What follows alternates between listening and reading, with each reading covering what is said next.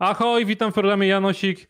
Ja nazywam się Przemek Barankiewicz, jestem country managerem słowackiego domu maklerskiego Finax. Finax, jak już powiedziałem, pochodzi ze Słowacji, tak samo jak Janosik. I w tym programie uczymy, jak troszeczkę bogactwa uczknąć tego, z tego rynku kapitałowego, a właściwie moi goście uczą. Dzisiaj jest to wyjątkowy gość i w wyjątkowym miejscu, bo y, gościem jest y, Tomek Narkun, dyrektor jednego z największych deweloperów, albo największego dewelopera w zachodniej Polsce, inwestor giełdowy i specjalista od rynku nieruchomości. Ja wiem, że też bardzo się rynkiem nieruchomości interesujecie, więc będzie pewnie okazja, żeby porównać trochę rynek nieruchomości do, do rynku akcji, a przede wszystkim autor koszulki, w której jestem tutaj obecnie, WIG20 to the Moon. Pokażę może wszystkim, którzy mają akurat Y, YouTube'a, nie tylko podcast. Cześć Tomku, powiedz, jaka idea przyświecała, jak tworzyłeś tą koszulkę? Cześć, z budowlanym pozdrowieniem dla wszystkich. Jeżeli chodzi o koszulkę, to jest taki e, dość, e, dość śmieszny e, temat, ponieważ no, wstałem rano e, i po prostu pomyślałem, że trzeba zrobić taką koszulkę i zaprojektowałem na Corelu i wysłałem do drukarni i zrobili pierwszą koszulkę, drugą, trzecią. A teraz już nie mogę się odpędzić po prostu od zapytań o tą koszulkę. E, drukarnia też się dziwi, co tyle koszulek e, zamawiam, także bardzo się cieszę, tym bardziej, że oddaję ją przy tym celu po kosztach, nie zarabiam na tym, to jest dla, dla tutaj społeczności twitterowej i jestem z tego dumny, że udało mi się takie coś zrobić, tym bardziej, że koszulka jest bardzo śmieszna i ogólnie nawiązująca do naszego bananowego rynku, ale naprawdę e, czasem jak chodzę nawet w tej koszulce po markecie, to ludzie mnie zaczepiają, gdzie można taką kupić. To jest bardzo, bardzo, widzę, że duża nisza na takie, na takie koszulki, ale porządnej jakości musi być. Ja na to stawiam i tak jest. Ja potwierdzam, jakość jest świetna i co najważniejsze, od kiedy ją noszę, od kiedy dostałem ją od y, Tomka, to WIG20 faktycznie szybuje coraz wyżej już chyba, chyba coraz bliżej rekordu. My myślisz, że ten rekord y, w tym roku może paść? E, na WIG-u 20, no takie duże prawdopodobieństwo jest, że będzie, że będzie rekord i to chyba najpierw ty odczarowałeś ten rynek tak, nad Wisłą, e, a teraz, teraz nawet zagranica, bo widziałem, że w Hiszpanii e, czarnoskórzy noszą te koszulki WIG20 to the moon i sztucznym złotem e, jakby tutaj machają. Także myślę, że to jest dobry talizman na przyszłość, na pewno. Teraz jest plan, żeby Elon Musk założył też, też, też kiedyś, więc jakby... Znaczy mam plan pewien, który może zdziwić tutaj, e, ale nie będę głośno mówił, kto założy, ktoś, ktoś z rządowych sfer, ale jestem bliski, bliski tutaj namówienia tej osoby i może być to dobry sygnał taki, mogę być takim naprawdę impulsem, który zrobi, namiesza. No to teraz mnie y, zaciekawiłeś podwójnie. Ja od razu przepraszam, za, za te szumy przepraszam, jeśli ktoś tutaj nas słucha y, tylko w audio, ale Tomek siedzi y, na dachu wieżowca, więc trochę tam wieje i stąd nie, nie wszystko da się wyciąć w postprodukcji. Mam nadzieję, że to będzie jednak zrozumiałe. Tomku, ja mam taki stały kwestionariusz, i pierwsze pytanie jest takie, może musimy się trochę cofnąć w czasie, no bo już wiemy teraz, że jesteś wielkim y, generatorem zysków na, na GPW i producentem wielkich koszulek, znanych koszulek, y, ale jak to się wszystko zaczęło, kiedy zacząłeś inwestować? Y, powiedz nam trochę o swojej przygodzie z rynkiem kapitałowym. Powiem tak, e, rynek kapitałowy może to nie jest jakąś moją wielką domeną, bardziej rynek nieruchomości. Od 2003 jestem w branży deweloperskiej, czyli jako powiedzmy gówniarz jeszcze na studiach. E, nigdy nie miałem innej pracy, nigdy nie miałem innych zainteresowań niż, niż e, mieszkaniówka, budowa i rynek pierwotny. W zasadzie rynek wtórny mnie nie interesował praktycznie nigdy, tylko budowanie. Poszedłem na staż do pierwszego dewelopera w 2003 roku i tak już jakoś e, stało w mojej branży. E, na początku nawet pracowałem rok za darmo, żeby tylko nauczyć się tego zawodu, bo byłem tak zdeterminowany, żeby, e, żeby jakby czegoś, jakąś wiedzę posiąść, więc tutaj byłem, e, deweloper nic mi nie płacił, e, więc że tutaj z własnych środków się gdzieś tam pobocznych utrzymywałem, ale dzięki temu myślę, że zaszedłem no dość daleko i mam radę też dla młodych osób, które, które zaczynają pracę, żeby naprawdę nie, nie od razu rzucać duże kwoty, pieniądze, tylko idźcie w zainteresowania, na pewno was docenią. Najgorsze dla pracodawcy jest od razu rzucać kwotami. E, uwierzcie mi, warto, warto zaryzykować i iść w tym kierunku, nawet, nawet kosztem mniejszych zarobków, ale to się na pewno w przyszłości odbije na Was pozytywnie. To a propos przyszłości, z czego byś miał emeryturę? Czy, powiem tak, jeszcze wracając do, bo mam ciekawą historię e, związaną z moim poprzednim, z poprzednim e, e, jakby doświadczeniem w 2000, ja przeszedłem przez ten kryzys 2008 roku. Znaczy, byłem w tej branży deweloperskiej w 2008, 2007 roku, 2013 i tak dalej. Także ja mogę powiedzieć jedno, porównywanie okresów tego dzisiaj którego potocznie nazywamy bańką, a nikt tak naprawdę nie wie, co to jest bańka, nikt nie potrafi mnie zdefiniować, bo ja się pytam, a co to jest tak naprawdę bańka? Nie, nie wiem, a kiedy pęknie, tylko jest takie jedno pytanie. Ale ja pamiętam ten 2007-2008 rok, to naprawdę było mm, w ogóle nie do porównania. E, były takie sytuacje, że e, przede wszystkim kredyty dostawał praktycznie każdy. Trzeba było mieć tylko wypełnione dobrze oświadczenie, tam kolega wpłacał na konto drugiemu koledze po tam określoną sumę, niby to były zarobki ja pamiętam taki, taki bardzo fajny historię, że mój kolega, który grał w ping-ponga, dostał kredyt na trzy mieszkania dwupoziomowe i ponieważ sobie umiał zakombinować, jeszcze potem banki do niego dzwoniły na wy, o kredyt po wykończenie. E, co jest, co było śmieszne i e, ten hype na nieruchomości był tak ogromny, że otwieraliśmy biuro sprzedaży o godzinie 9, a o 7.30 już stali ludzie pod biurem. Tego dzisiaj nie ma, dzisiaj troszeczkę jest rozsądniej. Mało tego, klient, zapisywaliśmy klientów na kartki. To było akurat w Poznaniu, pamiętam wtedy, mutowaliśmy przy Batorego, to zapisywaliśmy klientów na kartki, bo nie, nie nadążaliśmy z pisaniem umowy, dopiero umowy wieczorami szykowaliśmy i oni sobie odbierali. I były takie sytuacje, że na przykład przed pan, e, dawał swoje dane do umowy, stanął w kolejce znowu na koniec, bo okazało się, że jeszcze jego szwagier chce. Także takie były sytuacje w tamtym okresie. Rzeczywiście to, to wszystko wynikało naprawdę z, ze złego podejścia banków i upychania we franki, które są tanie. E, kredyt mógł dostać nawet ping-pongista, także tutaj nikt mi nie powie, że nie. Można było tak zakombinować, że, że można było kupić sobie trzy mieszkania na kredyt we franku i tak, i tak to jakoś się mm, działa. Dzisiaj jednak koszt, e, jakby cena nieruchomości, jak tak patrzę nawet na tą budowę, to koszt wytworzenia jest ogromny. Z bańką mielibyśmy do sytuacji wtedy na przykład, jeżeli koszt budowy byłby 2000 zł, a sprzedawalibyśmy za 12 tysięcy złotych, tak? Jakby marżowość wcale aż tak nie, nie, nie, nie zwiększa się w związku z ceną e, nieruchomości, ponieważ no, koszty budowy są przeogromne, z dnia na dzień, z miesiąca na miesiąc cały czas są podwyżki. Już nawet myślałem, że trochę stal spadnie ostatnio, e, znowu parę procent w górę dostaliśmy e, tutaj mm, wycenę, także nikt nie wie, co nas czeka. E, szczególnie w kontekście cen, e, cen tutaj materiałów budowlanych. I cały, tak naprawdę cały koszt nieruchomości, e, cała cena nowego mieszkania wynika przede wszystkim z kosztu jego budowy. No i też oczywiście z niskich stóp procentowych, które tutaj nam funduje RPP i chyba po dzisiejszych komunikatach, no myślę, że może się nawet nic nie zmienić. A te nieruchomości coś mają wspólnego właśnie z twoją emeryturą, którą planujesz, czy to jest element twojego portfela? E, tak, e, jest to element mojego portfela, z tym, że powiem tutaj troszeczkę na przekór, e, mimo że budujemy tych mieszkań tyle. Ja mieszkanie nie traktuję jako inwestycję, tylko jako powiedzmy nawet spekulację. Dla mnie najważniejszą inwestycją są dwie rzeczy: grunty i garaże. I to są dwie rzeczy, które ja inwestuję od lat. Jak na razie z garaży jest o wiele lepsza stopa zwrotu niż, niż z mieszkań. Mało kto o tym wie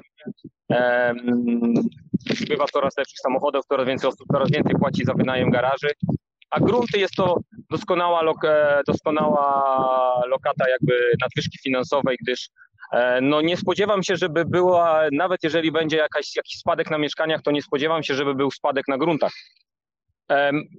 Generalnie Mark Twain e, powiedział kiedyś taką bardzo fajną sentencję, że, że najlepszą e, inwestycją na ziemi jest ziemia. Więc ja myślę, że się z tym zgadzam i tym bardziej, że idzie u nas w Polsce era domów, która się niedługo zacznie i będziemy naprawdę budować na potęgę domów. Już teraz e, deweloperzy wysyłają nawet do mnie zapytania, gdzie można ewentualnie kupić duże połacie terenów pod e, domy, bo wiedzą, że ten, ta masowa deweloperka, no jeszcze tak 2-3 lata i ona nie będzie wcale aż tak e, aż tak nie będzie takiego stania, jak to się mówi, jak teraz. Będzie, będzie się rynek przesuwał w kierunku rynku domów. Takie są prognozy w Polsce. Także e, szukać działek i kupować e, jeszcze grunty niedoszacowane, niedocenione, które dzisiaj mogą się wydawać mniej atrakcyjne, ale za parę lat na pewno e, myślę, że będą z tego dobre, dobre zyski. Tak samo mam radę, żeby kupić sobie kawałek gruntu e, takiego rolnego dla własnych potrzeb, dla własnych upraw, bo możemy się zdziwić za 10-15 lat, że będzie nam to bardzo potrzebne. To rozumiem. Grunty, garaże, ale to są mało płynne jakby takie obiekty inwestycji. A w czym, czym y, trzymasz poduszkę finansową, jeśli ją w ogóle masz? Znaczy mam poduszkę, nawet wziąłem ją ze sobą. To jest moja poduszka finansowa i ja mam taką radę dla wszystkich. To jest oczywiście, nie jestem jakimś wybitnym finansistą jak ty, Przemek, czy inni, ale naj, najważniejszym składnikiem e, poduszki finansowej to jest, to, to jest gotówka.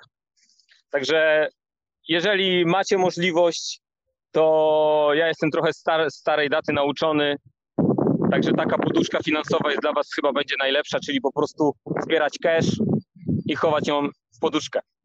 I nie patrzeć na to, że mamy dzisiaj inflację, możemy mieć za parę lat deflację, nikt, nikt o tym nie wie. E, generalnie zawsze ten, ten pieniądz gdzieś się przyda, tak? Jeżeli bym miał poduszkę finansową w jakichś obligacjach, w jakichś innych rzeczach, no ciężko to jakby wycofać z dnia na dzień. Że najważniejsze jest e, to, że żeby mieć zabezpieczenie takie, to są pieniądze jakby na czarną godzinę, ja mówię. Ja mówię o takiej poduszce finansowej, rozumiem, na czarnej godzinę, tak? Nie mówimy o, o inwestycjach innych. Także jeżeli chodzi o, o taką poduszkę finansową, trzymać cash w poduszce i będzie dobrze. E, jak ktoś nie widział, tylko nas słucha, to Tomek właśnie wy, wyciągnął wielką poduchę, e, rozpiął zamek i z niej wyciągnął banknoty 100 złotowe, więc rozumiem, że w walucie krajowej jednak tą poduszkę trzymasz. Tam, gdzie mieszkasz, tam, tam taka waluta. No dobra, to teraz jestem bardzo ciekawy, jak zilustrujesz y, kolejne pytanie, kolejną odpowiedź, pasywnie czy aktywnie? E, aktywnie. Pasywnie, znaczy pasywnie i aktywnie. Pasywnie to grunty i garaże, to jest na długi termin a aktywnie to jest e, czysta spekulacja na mieszkaniach. No przyznam się, że też tak robię, no ale kto, kto ma trochę e, powiedzmy dojść, wie co można kupić taniej za miesiąc, za dwa, za trzy sprzedać drożej, e, to tak. No jest e, powiedzmy aktywnie to jest, e, aktywnie to akcje firm budowlanych, także w tamtym roku zakupiłem e, PKBEX, Mirbut, Myślę, że PKBEX będzie tutaj E, moim zdaniem w długim terminie bardzo dobrą inwestycją, ponieważ to jest firma, e, która produkuje prefabrykaty i bardzo się rozwija. Byłem nawet na, e, na ich hali produkcyjnej, to wygląda naprawdę doskonale. Oni cały czas się rozwijają, mają ogarniętych ludzi na miejscu i trzeba sobie zadać, trzeba tak po prostu, ja zazwyczaj uwielbiam wykresy, tabelki, uwielbiam makro, ale powiem tak, najlepsze badania są na ulicy. Tak samo jak e, badam sentyment fliperów na ulicy, rozmawiam z nimi, z ludźmi, rozmawiam z klientami, rozmawiam, gdzie wiem, że ich te ceny już przerastają. To tak samo jak dzisiaj spojrzałem sobie na budowę e, i, zobaczy, i zobaczyłem, kto pracuje, jaki przedział wieku, no to wszyscy są praktycznie 50 plus. Młodzi i młodych nie ma na budowach, więc e, moim skromnym zdaniem prefabrykacja i montażyści to będzie coś, e, co będzie to przyszłością budownictwa. Może nie za rok, za dwa, ale za parę lat i PKB tu mocno będzie uderzał w branżę deweloperską. Myślę, że już uderza, bo e, zbudował nawet kilka budynków mieszkalnych i rodzinnych i nawet mają o to tym bardzo dobre opinie. Także tutaj bym się skupił na, na PKB-ksie, na Mirbudzie, na innych, na innych takich e, dużych wykonawcach, E, robót, bo będzie ich bardzo brakować i ich ceny będą e, wykonawstwa rosły. Oczywiście, jeżeli się ustabilizują ceny materiałów budowlanych. Okej. Okay. To, to muszę w tym miejscu dodać, że Janosik nie stanowi rekomendacji. tak, no ale pytałeś się, jakie akcje to budowlanka Jasne, naprawdę. Bardzo, nie, ja się bardzo cieszę, że szczerze powiedziałeś, bo ludzie jednak, moi goście również e, czasami migają się z konkretną odpowiedzią. Tutaj była konkretna odpowiedź. To teraz powiedz na, powiedz na pytanie globalnie czy lokalnie.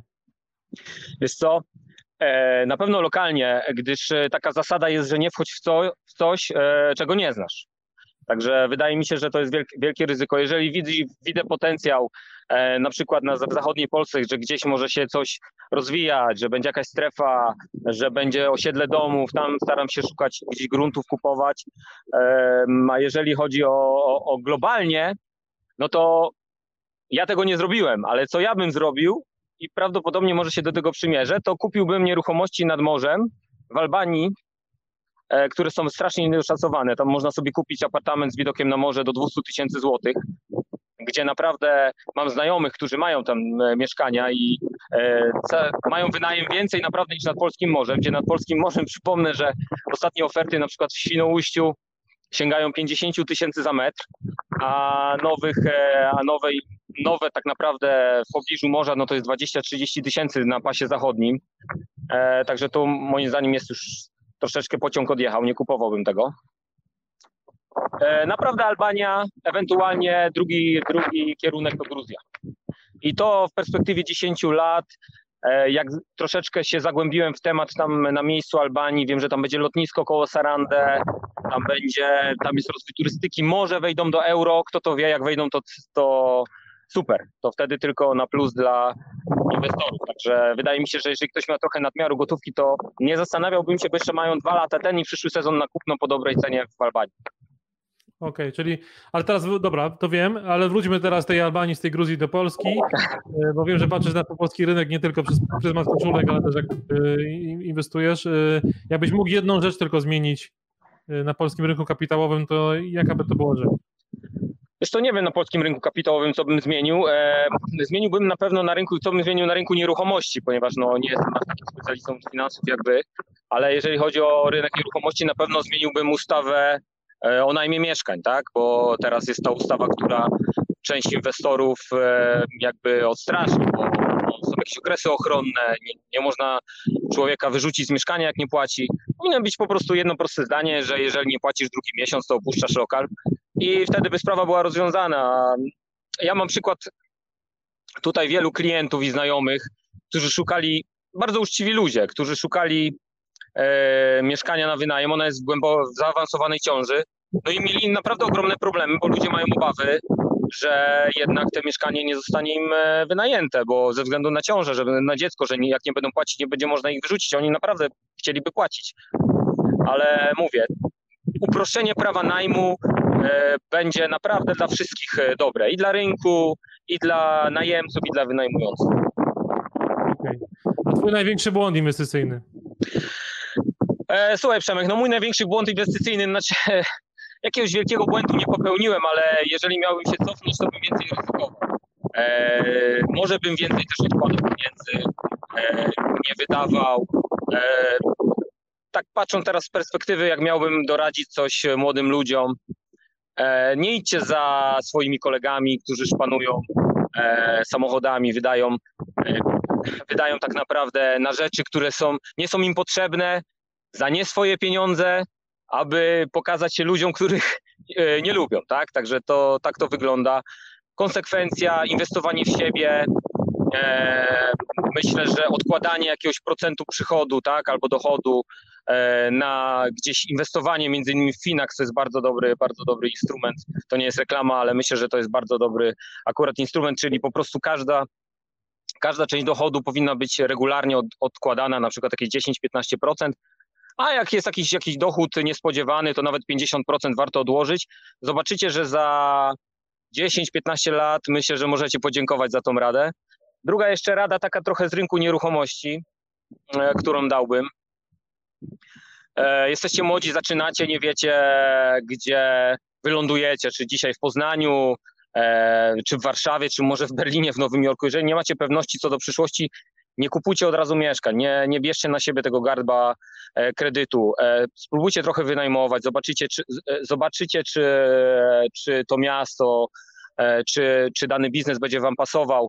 Jeżeli dopiero będziecie pewni, to naprawdę wtedy można się zastanowić nad kupnem mieszkania, ale to też jeżeli macie perspektywę na przykład mieszkania powyżej 5-7 lat. Także nie, nie rzucajcie się za wszelką cenę na to, inwestujcie w siebie, inwestujcie w swój rozwój, a ten wzrost cen, który nastąpi powiedzmy z tego tytułu, że nie kupiliście, ale wynajmowaliście. Uwierzcie mi, że jak dobrze w siebie zainwestujecie, nie będzie dla was żadnym problemem. Wręcz przeciwnie, będziecie mogli sobie kupić wtedy dwa, trzy mieszkania. Także inwestujcie w biznesy, inwestujcie w siebie, w szkolenia, nie bójcie się, podejmujcie ryzyko.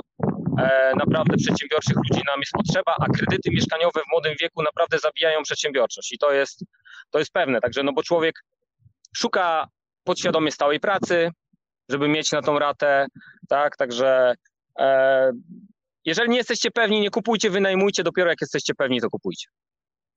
No to potwierdzam. Szkoda, że nikt mi takiej rady nie udzielił 15 lat temu, czy 20 lat temu, jak brałem pierwszy kredyt mieszkaniowy. Tak, tak, taka, jest, taka jest prawda i podpisuję się oboma rękami pod tym. Y, Tomku, jakbyś na końcu jakąś książkę polecił, z której mogliby ludzie nauczyć inwestowania w nieruchomości albo generalnie inwestowania?